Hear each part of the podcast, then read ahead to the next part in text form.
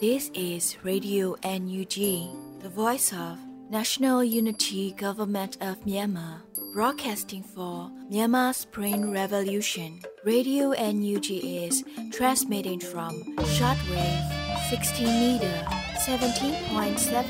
megahertz at 8:30 a.m. and 25 meter 11.94 megahertz at 8:30 p.m. Myanmar Standard Time. မင်္ဂလာပါရှင်အမျိုးသားညီညွတ်ရေးအစိုးရရဲ့အတန်လွတ်ဌာန Radio NUG ကိုမန္တပိုင်း၈နိုင်ခွဲမှာလိုင်းတူ6မီတာ19.3ခွန်ကုန်းမဂါဟတ်စ်နဲ့ညပိုင်း၈နိုင်ခွဲမှာလိုင်းတူ25မီတာ17.3ကိုလီမဂါဟတ်စ်တို့မှာဓာတ်ရိုက်ဖမ်းယူနားဆင်နိုင်ပါပြီရှင်မင်္ဂလာအပေါင်းနဲ့ပြည့်စုံကြပါစေအခုချိန်ကစပြီး Radio NUG စီစဉ်လေးကိုဓာတ်ရိုက်အတန်လွှင့်ပေးနေပါပြီ မြန်မာနိုင်ငံသူနိုင်ငံသားအပေါင်းတဘာဝပြီးဆေးရနာရှင်ပြီးတို့ကနေကင်းဝေးပြီးကိုစိတ်နှစ်ပါးပြီးကင်းလုံးကြုံကြပါစေလို့ရေဒီယိုအန်ယူဂျီဖွယ်သားများကဆုတောင်းမြတ်တာပို့သလိုက်ရပါတယ်ရှင်။အခုချိန်ကစပြီးကာကွယ်ရေးဝန်ကြီးဌာနရဲ့စီးရေးသတင်းချင်းချုပ်ကိုတော့ຫນွေဦးမှုမှဖတ်ကြားတင်ပြပေးပါရမရှင်။မင်္ဂလာပါခင်ဗျာ။အမျိုးသားညီညွတ်ရေးအစိုးရကာကွယ်ရေးဝန်ကြီးဌာနမှထုတ်ဝေသော နေ့စဉ်စေးသတင်းအကျဉ်းချုပ်များကိုတင်ပြသွားပါမယ်။အေးသတင်းများကိုမြေပြင်သတင်းတာဝန်ခံတွေနဲ့ခိုင်လုံသောမိဖက်သတင်းရှင်မြစ်တွေမှဖော်ပြလာသောအချက်အလက်များပေါ်အခြေခံပြုစုထားခြင်းဖြစ်ပါတယ်ခင်ဗျာ။ပထမဆုံးအနေနဲ့စစ်ကောင်စီနဲ့တိုက်ပွဲဖြစ်ပွားမှုများကိုတင်ပြသွားပါမယ်။ကရင်ပြည်နယ်တွင်ဩဂုတ်လ25ရက်နေ့ကကော့ဂရိတ်မြို့နယ်ရှိစစ်ကောင်စီတပ်စခန်းနှစ်ခုကို Saw Dragon Drone Force SDDF အဖွဲ့က drone ဖြင့်ပုံကျဲတိုက်ခတ်ခဲ့ပြီးဩဂုတ်လ29ရက်နေ့21ရက်နေ့22ရက်နေ့ရက်တွေကလည်း Saw Dragon Drone Force SDDF အဖွဲ့က Cochrane မြို့နယ်တမိုင်ကုန်းကျေးရွာနဲ့ကော့နွဲ့ကျေးရွာတို့တွင်တပ်ဆွဲထားသောစစ်ကောင်စီတပ်စခန်းနှစ်ခုအား drone ဖြင့်စစ်စင်ရေးပေါ်ဆောင်ခဲ့ပါတယ်ခင်ဗျာမွန်ပြည်နယ်တွင်ဩဂုတ်လ25ရက်နေ့မနက်9:00နာရီခန့်ကဘီလင်းမြို့နယ်ဘီလင်းမြို့ရှိမြို့မရဲစခန်းအား drone ဖြင့်တက်ခတ်ခဲ့ပါတယ်။ဩဂုတ်လ25ရက်နေ့မနက်10:30မိနစ်ခန့်ကရေးမြို့နယ်ရေးတရက်ကြီးစစ်စေးဂိတ်ကိုပြည်သူ့ကာကွယ်ရေးတပ်ဖွဲ့တစ်ခုဖြစ်တဲ့ရေးဘလူးအဖွဲ့ကဝင်ရောက်စီးနင်းပစ်ခတ်ခဲ့ရာစစ်ကောင်စီတပ်ဖွဲ့ဝင်9ဦးသေဆုံးခဲ့ပါတယ်ခင်ဗျာ။ဩဂုတ်လ24ရက်နေ့မနက်9:00နာရီခန့်ကစကိုင်းဘက်မှကြိုက်ထိုဘက်သို့မောင်းနှင်လာသည့်ကား၃စီးပါစစ်ကောင်စီရင်နှန်းကိုမုပလင်ကျေးရွာအနီးတွင်ကရင်အမျိုးသားလွတ်မြောက်ရေးတပ်မတော် KNLA နဲ့ကြိုက်ထိုတော်လိုင်းအင်အား KRF ပူးပေါင်းအဖွဲ့ကမိုင်းဆွဲတိုက်ခတ်ခဲ့ပြီးမနက်၈နာရီခန့်တွင်ကြိုက်ထိုဘက်မှစစ်တောင်းဘက်သို့မောင်းနှင်လာသည့်ကား၁၁စီးပါစစ်ကောင်စီရင်တန်းအားမုပလင်ကျေးရွာအနီးတွင်ထပ်မံမိုင်းဆွဲတိုက်ခတ်ခဲ့ကြောင်းသိရပါတယ်ခင်ဗျာရှမ်းပြည်နယ်တွင်ဩဂုတ်လ24ရက်နေ့မနက်9:00နာရီခန့်ကနောင်ချိုမြို့နယ်ဒိုးပင်ကျေးရွာအုပ်စုလုံခန်ရွာတွင်စစ်ကောင်စီတပ်နှင့် မန္တလေးပြည်သူ့ကာကွယ်ရေးတပ်ဖွဲ့ MPDF တို့အကြားတိုက်ပွဲဖြစ်ပွားခဲ့ပါတယ်။စကိုင်းတိုင်းတွင်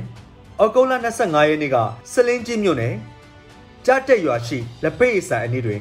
ပောက်ကွဲမှုဖြစ်ပွားခဲ့ရာစစ်ကောင်စီတပ်သား2ဦးနေရာတွင်ပင်တိတ်ဆုံးပြီး3ဦးပြင်းထန်တရားဖြင့်၎င်းတို့တက်ဆွဲထားသောကြက်တက်ကြေးရွာစာတင်ကျောင်းထဲသို့တည်ဆောင်သွားကြောင်းသိရပါတယ်။ဩဂုတ်လ25ရက်နေ့နေ့လယ်2နာရီမှ 3:30မိနစ်အထိမော်လိုက်မြို့နယ်တက်ကုန်းရွာ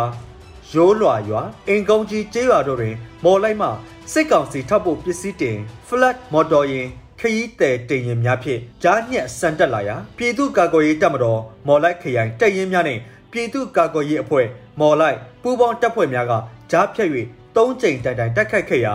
ခလိုက်ရ366မှ3ပွင့်ဗိုလ်ကြီးထက်လင်းကိုတက်ကြက်ကြီးတအူးနှင့်တပ်သားတအူးတိတ်ဆုံးခဲ့ပါတယ်ခင်ဗျာ။ ဩဂုတ်လ25ရက်နေ့မနက်8:30မိနစ်ခန့်ကအရာတော်မြို့နယ်ကမ်းပြူရာအနီးတွင် အမြောက်တပ်မှထွက်လာသောစစ်ကောင်စီ Probox ကားလေးနှစ်စီးကို0ပြောက်ကြားတပ်ဖွဲ့နှင့်မဟာမိတ် Danger Force အဖွဲ့မှဆွဲမိုင်း၅လုံးရှေ့ထွက်မိုင်းနှလုံးဖြင့်ပစ်ခတ်တိုက်ခတ်ခဲ့ကြောင်းသိရပါတယ်ခင်ဗျာ။ဩဂုတ်လ24ရက်နေ့နေ့လယ်ပိုင်းကမုံရွာမြို့နယ်မုံရွာရာကြီးလမ်းမပေါ်ရှိ မိုင်တိုင်30မှ28ကြားတွင်စစ်ကြောင်းထိုးလာသောအင်အားတရာကျော်ပါစစ်ကောင်စီတပ်ကို KLG တပ်မဟာမှဂျားဖြတ်တိုက်ခတ်ရာစစ်ကောင်စီတပ်သား3ဦးသေဆုံးခဲ့ကြောင်းသိရပါတယ်။ဩဂုတ်လ24ရက်နေ့ည8နာရီခန့်ကရွှေဘုံမြို့နယ်စိတ်ခွန်ကျေးရွာရဲစခန်းတွင်တက်ဆွဲထားသောစစ်ကောင်စီတပ်သားအင်အား30ခန့်ကိုပြည်သူ့ကာကွယ်ရေးတပ်မတော်ရွှေဘိုခရိုင်တရင်ကတက်ခွဲ3 96 soldiers အညာတက်ခွဲ Snake Eyes LPDF CLT ရွှေဘို LPDF MDF ရွှေဘိုနဲ့ပကဖရွှေဘိုတိုက်နယ်နှစ်တို့ပူးပေါင်း၍40မမဘုံသေးလောက်ချသုံးလုံးဖြင့်ပြစ်ခတ်တက်ခရာစစ်ကောင်စီတပ်သားတအူးသေဆုံးခဲ့ကြောင်းသိရပါတယ်ခင်ဗျာမကွေးတိုင်းတွင်ဩဂုတ်လ24ရက်နေ့မနက်၈နာရီခန့်ကထီးလင်းမြို့နယ်ရွှေခုံတိုင်ကျေးရွာတွင်ညအိပ်ပြီးထွက်လာသောအင်အားတရာခန့်ပါ စစ်ကောင်စီစစ်ကြောင်းကိုရွှေကုံတိုင်ကျေးရွာ၏တောင်ဘက်၃မိုင်ခန့်အကွာတွင် YDF ထီလင်းတရင်ခွန်ရှစ်မှအနိကခြုံကိုတိုက်ခတ်ခဲ့ရာစစ်ကောင်စီတပ်သား9ဦးထပ်မံတေဆုံးခဲ့ပြီးဒဏ်ရာရရှိသူအများအပြားရှိခဲ့ပါတယ်။စစ်ကောင်စီများကရွှေကုံတိုင်ကျေးရွာတွင်ကျေးရွာသူကျေးရွာသားများ9ဦးကိုတွတ်တုတ်ရိုက်နှက်သွားခဲ့ကြောင်းသိရပါတယ်ခင်ဗျာ။တနင်္သာရီတိုင်းတွင်အော်ဂိုလာ24ရက်နေ့မနက်9:30မိနစ်ခန့်ကတရက်ချောင်းမြို့နယ် အောက်တရက်ချောင်းကျေးရွာအနီးဒဝယ်မှပလောသို့ဆင်းလာသည့်စစ်ကောင်စီရှင်တန်းအားလန်ကင်းယူပေးနေသည့်စစ်ကောင်စီတပ်သားများနှင့်ဂလုံမင်းစစ်စင်ရေးအဖွဲ့မဟာမိတ်ပူးပေါင်းအဖွဲ့၃ဖွဲ့တို့မိနစ်40အကြာပြစ်ခတ်မှုဖြစ်ပွားခဲ့ပြီးစစ်ကောင်စီတပ်သားအများအပြားထိခိုက်ဒဏ်ရာရရှိကာပြည်သူ့ကာကွယ်ရေးတပ်သား2ဦးမစိုးရင်ရဒဏ်ရာရရှိခဲ့ကြောင်းသိရပါတယ်။ အော်ဂုတ်လ24ရက်နေ့မနက်၈နာရီခန့်ကပလောမြို့နယ်ပလောကုန်းရွာအနီးတမိုင်တောင်တွင်စစ်ကောင်စီလက်နက်ကြီးအထိုင်ဖြင့်တက်ဆွဲထားသောနေရာအားပြည်သူ့ကာကွယ်ရေးတပ်ပေါင်းစုမှစနိုက်ပါဖြင့်၅ချက်ပစ်ခတ်ခဲ့ရာစစ်ကောင်စီတပ်သား၄ဦးထိမှန်ခဲ့ပြီး2ဦးသေဆုံးခဲ့ပါတယ်ခင်ဗျာ။အော်ဂုတ်လ24ရက်နေ့မနက်10:00နာရီခန့်ကပလောမြို့နယ်တပူစစ်ကောင်စီတပ်သားလန်ကင်းအဖွဲ့အားငွေဟောက်အဖွဲ့မှ ချောင်းပစ်ခဲ့ရာစစ်ကောင်စီတပ်သား3ဦးထိခိုက်ဒဏ်ရာရရှိခဲ့ပါတယ်ခင်ဗျာ။အော်ဂုတ်လ24ရက်နေ့မနက်9:30မိနစ်ခန့်ကပလောမြို့နယ်မိုင်တိုင်အမှတ်၄အနီးတွင်တဝယ်မှပလောသို့ဆင်းသည့်စစ်ကောင်စီရင်နှန်းအားပလောပကပပူပေါင်းအဖွဲ့များမှမိုင်းနှလုံးဖြင့်တိုက်ခတ်ခဲ့ပါတယ်ခင်ဗျာဆက်လက်ပြီးစစ်ကောင်စီကျွလွန်သောရာဇဝတ်မှုများကိုတင်ပြသွားပါမယ်ကချင်ပြည်နယ်တွင်အော်ဂုတ်လ24ရက်နေ့ကဖားကတ်မြို့နယ်ဆယ်စင်းကျေးရွာတွင်တက်ဆွဲထားသောစစ်ကောင်စီတပ်မှ ဂျွာထဲတွင်ပိတ်မိနေသောဒေသခံအမျိုးသား6ဦးကိုတပ်ဖြတ်ပြီးဥပရုချောင်းထဲသို့ပြစ်ချခဲ့ကြောင်းသိရပါတယ်ခင်ဗျာစကိုင်းတိုင်းတွင်အော်ဂုတ်လ25ရက်နေ့ကကျုံလှမြို့နယ်စိတ်ပူးကျေးရွာရှမ်းကုန်းကျေးရွာနာဦးကျေးရွာတဲပင်စိတ်ကျေးရွာများကိုစစ်ကောင်စီက MI35 ဖြင့်လာရောက်ပစ်ခတ်တိုက်ခတ်ခဲ့ပြီး MI17 ဖြင့်စားတွင်းချောင်းအနီးတွင် စစ်ကောင်စီတပ်သား150ခန့်ချထားခဲ့ပြီးတဲပင်စိတ်ကျေးရွာသို့ရဟတ်ရင်ဖြင့်လာရောက်ပစ်ခတ်ခဲ့ပါတယ်။အောက်တိုဘာ24ရက်နေ့ကကျွန်းလှမြို့နယ်ဝေလမူကျေးရွာအနီးကို MI17 နှစ်စီးဖြင့်စစ်ကောင်စီတပ်သားများကိုလေးခေါက်တိတိချသွားခဲ့ပြီး MI35 ဖြင့်ပစ်ခတ်တိုက်ခတ်ခဲ့ပါတယ်။အောက်တိုဘာ24ရက်နေ့မနက်10:00နာရီခန့်က ကဏီမြို့နယ်မုံရွာရာကြီးလမ်းမမိုင်းတိုင်အမှတ်28အနီးပေါက်အင်းမြိုင်ကျေးရွာနဲ့အင်တိုင်းတော်ကျေးရွာမှာပြည်သူနေအိမ်၁၀လုံးခန့်ကိုစစ်ကောင်စီတပ်သားအင်အား150ခန့်ဖြင့်မီးရှို့ဖျက်ဆီးခဲ့ပြီးနောက်အသက်40အရွယ်ကိုမျိုးဦးနဲ့အမျိုးသားတအူးစုစုပေါင်း2ဦးတို့ကိုအကြောင်းမဲ့ပြစ်တက်ခဲ့ကြောင်းသိရပါတယ်ခင်ဗျာရန်ကုန်တိုင်းတွင်အော်ဂုတ်လ25ရက်နေ့နေ့လယ်2နာရီခန့်ကလှိုင်မြို့နယ်ဘရင်နောင်လန်းဟိုတယ်တစ်ခုမှဝန်တန်းတအူးနဲ့လမ်းနဲ့ရှိအမျိုးသားတအူးတို့ကို စစ်ကောင်စီအဖွဲ့ဝင်များမှဖမ်းဆီးခဲ့ပြီးကားတစ်စီးကိုပါယူဆောင်သွားကြောင်းသိရပါတယ်။အော်ဂုတ်လ25ရက်နေ့ကအင်းစိန်မြို့နယ်ကာကြီးရက်ကွက်နှစ်လမ်းနေသူကိုတက်ကိုစစ်ကောင်စီအဖွဲ့ဝင်များမှလိုက်လံရှာဖွေနေပြီးမတွေ့တော့ကြောင်းကိုတက်မိမအားဖမ်းဆီးသွားခဲ့ပါတယ်ခင်ဗျာ။အော်ဂုတ်လ24ရက်နေ့ကရန်ကုန်တိုင်းနေနာမည်ကျော်ပကြီးဆရာထိန်လင်းနဲ့ဇနီးဖြစ်သူမြန်မာနိုင်ငံဆိုင်ရာပြည်ထိုင်တန်အမတ်ကြီးဟောင်းမီကီဘိုးမန်တို့ကိုစစ်ကောင်စီအဖွဲ့ဝင်များမှဖမ်းဆီး၍ အင်းစိန်အကျဉ်းထောင်အတွင်းချုပ်နှောင်ထားကြောင်းသိရပါတယ်ခင်ဗျာတနင်္သာရီတိုင်းတွင်အော်ဂုတ်လ24ရက်နေ့ညနေ6နာရီခန့်ကမြိတ်မြို့နယ်မြိတ်မြို့ကန်နာလန်ပြည်တော်သားစိတ်အနီးပလဲရတနာခမ်းမအရှိစစ်ကောင်စီတပ်သားများစစ်ဆေးနေခြင်းတွင်ယောက်ျား3ဦးစီးလာသည့်ဆိုင်ကယ်ကစစ်ဆေးသည့်နေရာမရောက်မီ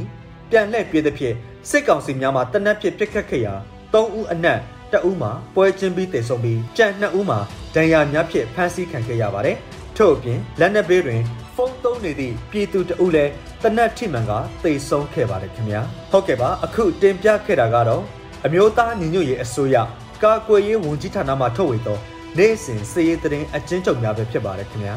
ကျွန်တော်ຫນွေဦးမိုးပါ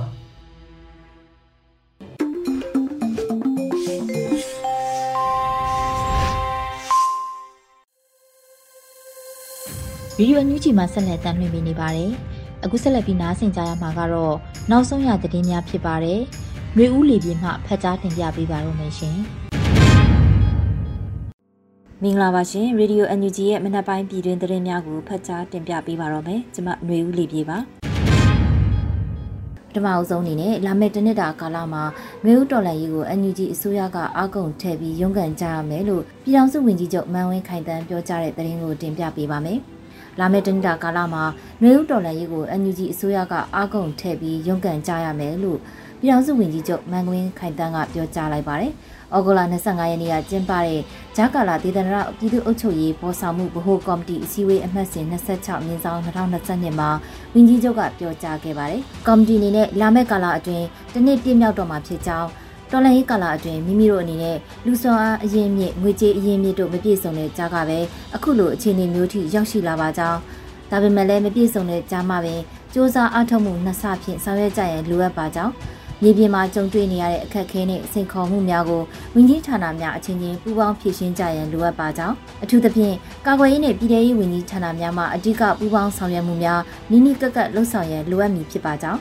လာမယ့်တနစ်တာကာလဟာမိမိတို့အနေနဲ့အားကုန်ထည့်ပြီးရုန်းကန်ကြရမည်ဖြစ်ပါကြောင်းဝန်ကြီးချုပ်ကပြောကြားခဲ့ပါတယ်။တက်ရောက်လာကြတဲ့ဂျာကာလာဒေသန္တရပြည်သူ့အုပ်ချုပ်ရေးဖော်ဆောင်မှုဗဟိုကော်မတီအဖွဲ့ဝင်များမှ25မြင်းဆောင်2022မှာချမှတ်ခဲ့တဲ့ဆုံးဖြတ်ချက်များရှေ့လုပ်ငန်းစဉ်များနဲ့ပတ်သက်ပြီးပြည်စည်းမှုအခြေအနေများနဲ့ဆက်လက်ဆောင်ရွက်ဖို့ကြံရှိနေတဲ့လုပ်ငန်းစဉ်များကိုချပြရှင်းလင်းပြီးအထူးဒေသအတွင်းဝန်ကြီးဌာနလိုက်ဆောင်ရွက်ထားရှိတဲ့ကိစ္စရပ်များအပေါ်တက်ရောက်လာတဲ့တာဝန်ရှိသူများကအကြံတဝင့်ဆွေးနွေးခဲ့ကြပါတယ်။ အစည်းအဝေးကိုဂျာကာလာဒေသန္တရပြည်သူ့အုပ်ချုပ်ရေးဖော်ဆောင်မှုဗဟိုကော်မတီဥက္ကဋ္ဌ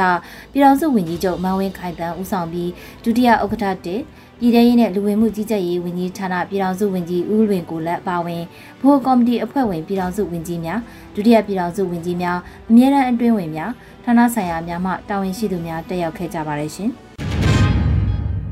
ဆက်လက်ပြီးအကြမ်းဖက်စစ်တပ်ကြောင့်အိမ်မထွက်ခွာရသူမြန်မာပြည်သူများအားလုံး2023မှာအိမ်ပြန်ကြမယ်လို့ပြည်ထောင်စုဝန်ကြီးဒေါက်တာဇော်ဝေစုပြောဆိုတဲ့သတင်းကိုတင်ပြပေးပါမယ်။အကြမ်းဖက်စစ်တပ်ကြောင့်အိမ်မထွက်ခွာခဲ့ရတဲ့မြန်မာပြည်သူအားလုံး2023မှာအိမ်ပြန်ကြမယ်လို့ပြည်ထောင်စုဝန်ကြီးဒေါက်တာဇော်ဝေစုကပြောပါတယ်။ဩဂုတ်လ25ရက်လူမှုကွန်ရက်မှာပြည်ထောင်စုဝန်ကြီးဒေါက်တာဇော်ဝေစုကဆိုပါတယ်။ရိုဟင်ဂျာများအပါအဝင်အကြမ်းဖက်စစ်တပ်ရဲ့ရက်ဆက်အကြမ်းဖက်မှုကြောင့်အိမ်ကနေထွက်ခွာရသူမြန်မာပြည်သူအားလုံးတို့အိမ်ပြန်ကြမယ်။ဖက်စစ်စစ်တပ်အမြင့်ဖြတ်လို့တို့အိမ်ပြန်ကြမယ်။ 2023မှာဒုအိမ်ပြန်ကြမယ်လို့ဝန်ကြီးကဆိုပါတယ်။အကြံဖက်စစ်ကောင်စီက2023မှာရွေးကောက်ပွဲကျင်းပမယ်လို့ပြောထားပြီးတော့လက်ရှိမှာတိုင်းနယ်ပြည်နယ်အနှံ့စစ်စင်ရေးလှုပ်ဆောင်လျက်ရှိနေပါတယ်ရှင်။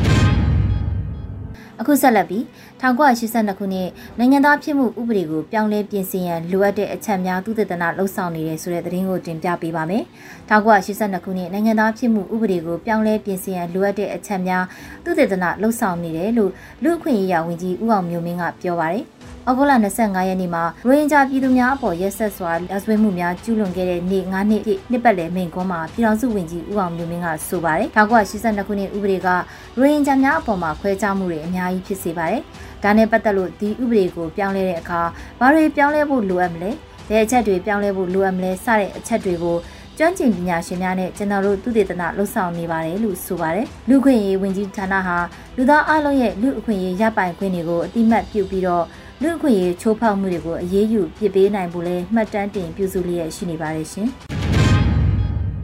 ဆက်လက်ပြီးလူမျိုးစုနဲ့ဘာသာမတူတဲ့လူနည်းစုတွေအပေါ်မှာပြစ်မှတ်ထားတဲ့မျိုးဆောင်ဥပဒေကိုအများဆုံးဖျက်ပစ်ဖို့လွှတ်တော်ကိုတိုက်တွန်းမယ်လို့လူ့ခွင့်ရေးဝန်ကြီးကဆိုလိုက်တဲ့သတင်းကိုတင်ပြပေးပါမယ်။လူမျိုးစုနဲ့ဘာသာမတူတဲ့လူနည်းစုတွေပေါ်မှာပြစ်မှတ်ထားတဲ့မျိုးဆောင်ဥပဒေကိုအများဆုံးဖျက်ပစ်ဖို့လွှတ်တော်ကိုတိုက်တွန်းမယ်လို့လူ့ခွင့်ရေးဝန်ကြီးဦးအောင်မျိုးမင်းကပြောပါတယ်။ဩဂုတ်လ25ရက်ရိုဟင်ဂျာပြည်သူများအပေါ်ရက်ဆက်စွာရာဇဝတ်မှုများကျူးလွန်ခဲ့တဲ့နေ့9နှစ်ပြည့်နှစ်ပတ်လည်မိန့်ခွန်းမှာပြည်ထောင်စုဝန်ကြီးဦးအောင်မျိုးမင်းကဆိုပါတယ်။ အရင်အစိုးရလက်ထက်တုန်းကပြဋ္ဌာန်းခဲ့တဲ့မျိုးဆောင်ဥပဒေဆိုတာရှိပါတယ်။ဒီမျိုးဆောင်ဥပဒေမှာလူမျိုးစုနဲ့ဘာသာမတူတဲ့လူနည်းစုတွေအပေါ်မှာပြစ်မှတ်ထားတဲ့ဟာတွေပါဝင်ပါတယ်။ဒါ့အပြင်အမျိုးသမီးတွေအပေါ်မှာအကြမ်းဖက်မှုကိုအားပေးတာတွေအပိုက်မှာပါပါတယ်။ဒါကြောင့်ဒီမျိုးဆောင်ဥပဒေလို့ပြဋ္ဌာန်းထားတဲ့ဥပဒေတွေကိုအမြန်ဆုံးပယ်ဖျက်နိုင်ဖို့အတွက်ဥပဒေပြုရေးတာဝန်ဖြစ်တဲ့လွှတ်တော်နဲ့ပူးပေါင်းဆောင်ရွက်ပြီးတော့အမြန်ဆုံးဖျက်သိမ်းဖို့လှုံ့ဆော်လျက်ရှိပါတယ်လို့ဝန်ကြီးကဆိုပါတယ်။ လက်ရှိမှာပြည်ထောင်စုလွှတ်တော်ကိုစားပြုကော်မတီဟာဥပဒေများကိုပြင်ဆင်ခြင်းဖြည့်ဆွတ်ခြင်းနဲ့ပယ်ဖျက်ခြင်းတို့ကိုလွှတ်တော်ကျင်းပက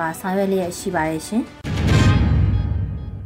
SOF ရဲ့နန်းထိုင်အောင်မြို့ပြစစ်စင်ရေးအဖြစ်ရန်ကုန်တောင်ပိုင်းခရိုင်တူတီမြို့ပေါ်မှာရှိတဲ့စစ်ကောင်စီတပ်များတပ်ဆွဲထားတဲ့မိသက်ရုံးနဲ့လုံခြုံရေးချထားတဲ့ဘန်ကာကိုပြစ်ခတ်တိုက်ခိုက်ခဲ့တယ်ဆိုတဲ့သတင်းကိုတင်ပြပေးပါမယ်။ SOF ရဲ့နန်းထိုင်အောင်မြို့ပြစစ်စင်ရေးအဖြစ်ရန်ကုန်တောင်ပိုင်းခရိုင်တူတီမြို့ပေါ်မှာရှိတဲ့စစ်ကောင်စီတပ်တွေတပ်ဆွဲထားတဲ့မိသက်ရုံးနဲ့လုံခြုံရေးချထားတဲ့ဘန်ကာကိုပြစ်ခတ်တိုက်ခိုက်ခဲ့ပါတယ်။ဩဂုတ်လ25ရက်နေ့နက်4:30မိနစ်အချိန်မှာ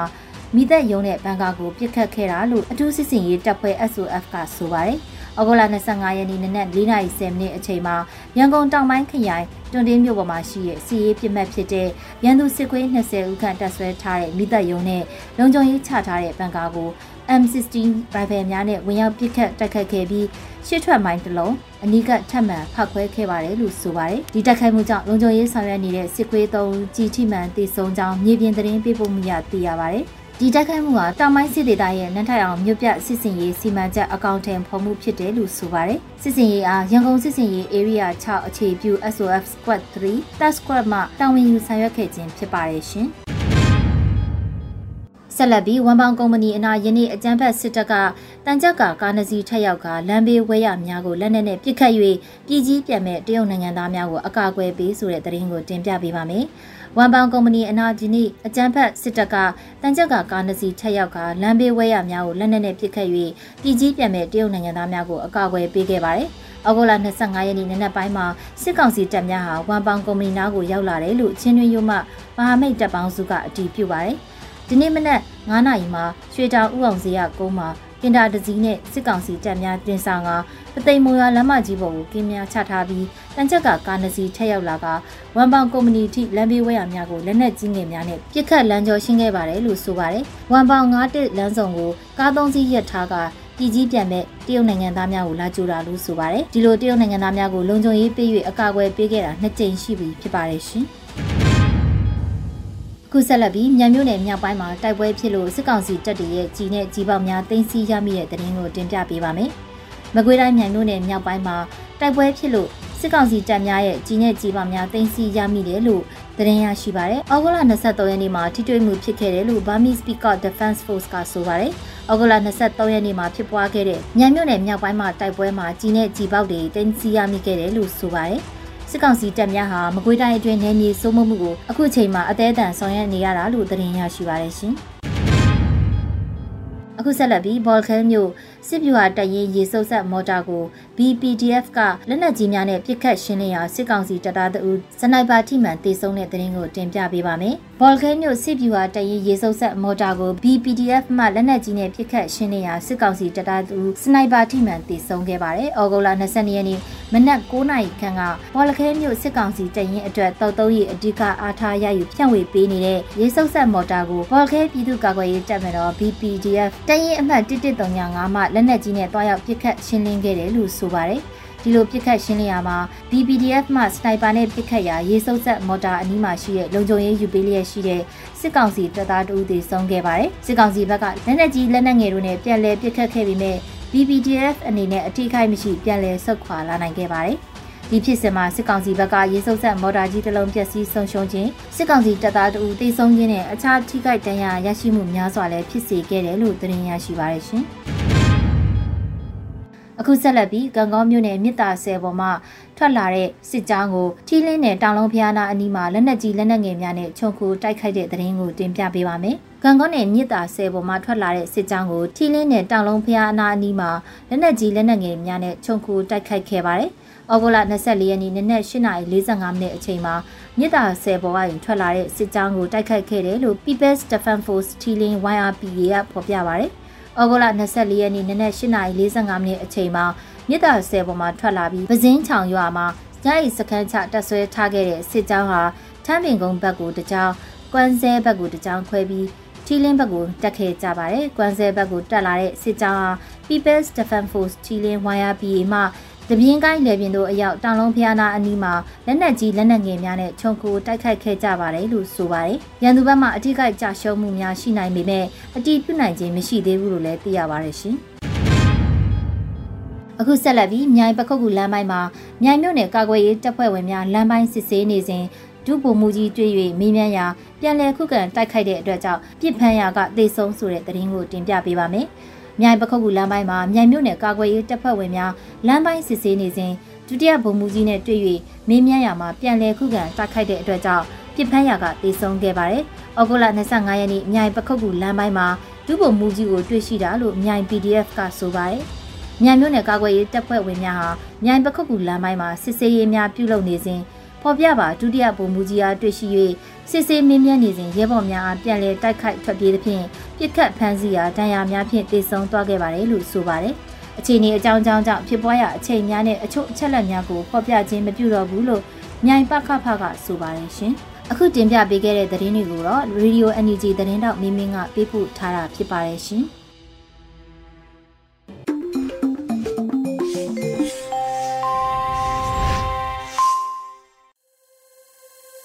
ရေဒီယိုအန်ယူဂျီရဲ့မနက်ခင်းစီစဉ်တွေကိုဆက်လက်တင်ပြနေပါတယ်။အခုဆက်လက်ပြီးနားဆင်ကြရမှာကတော့တော်လန်ရေးတိဂီတာအနေနဲ့တေးရေးဒစ်ဒစ်တေးဆူတာမဲဖိုးတီဆိုထားတဲ့ကျွေးလွင့်သူများတို့လို့အမည်ရတဲ့တော်လန်ရေးတိဂီတာကိုနားဆင်ကြရတော့မှာဖြစ်ပါတယ်ရှင်။တနာသမြာရွာကိုဖြတ်ပြီးသွားမြေရလေသမြာ မြေဝမမေးဖြောင်းမြသူတို့လိုပဲမကြုံအောင်ဟန်တရှိပုံကသူအဖြစ်နဲ့ကိုချိုးဆိုအသက်ပွေဘာကြောင့်လဲရှော့ရွှဲလို့ချွေခဲ့ကြ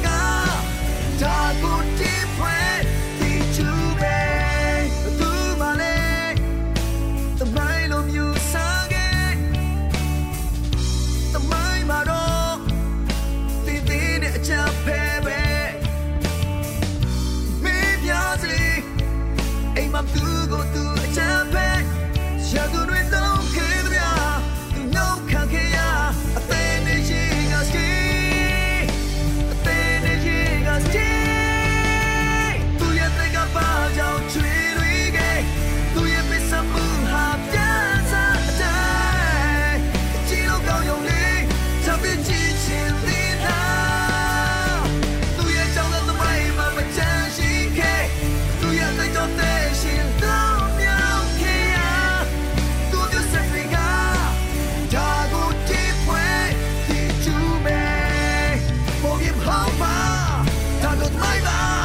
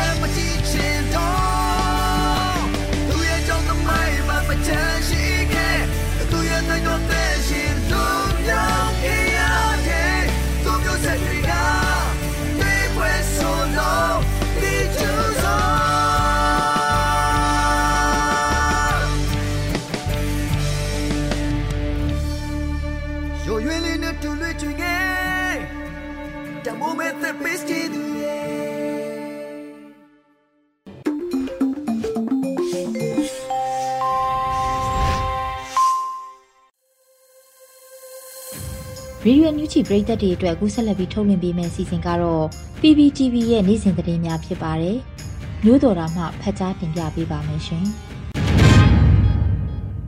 အခုချိန်ကစပြီး PPTV သတင်းတွေကိုတင်ဆက်ပေးတော့မှာပါ။ကျွန်မမျိုးတော်တာပါ။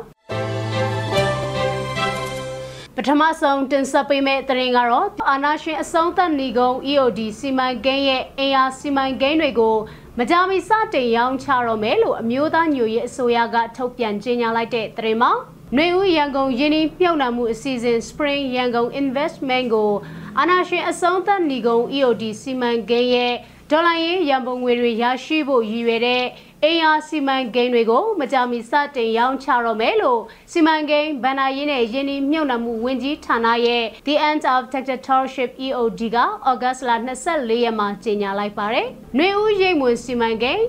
F မင်တမနဲ့ຫນွေဦးမော်ကွင်းသစ်စီမံကိန်း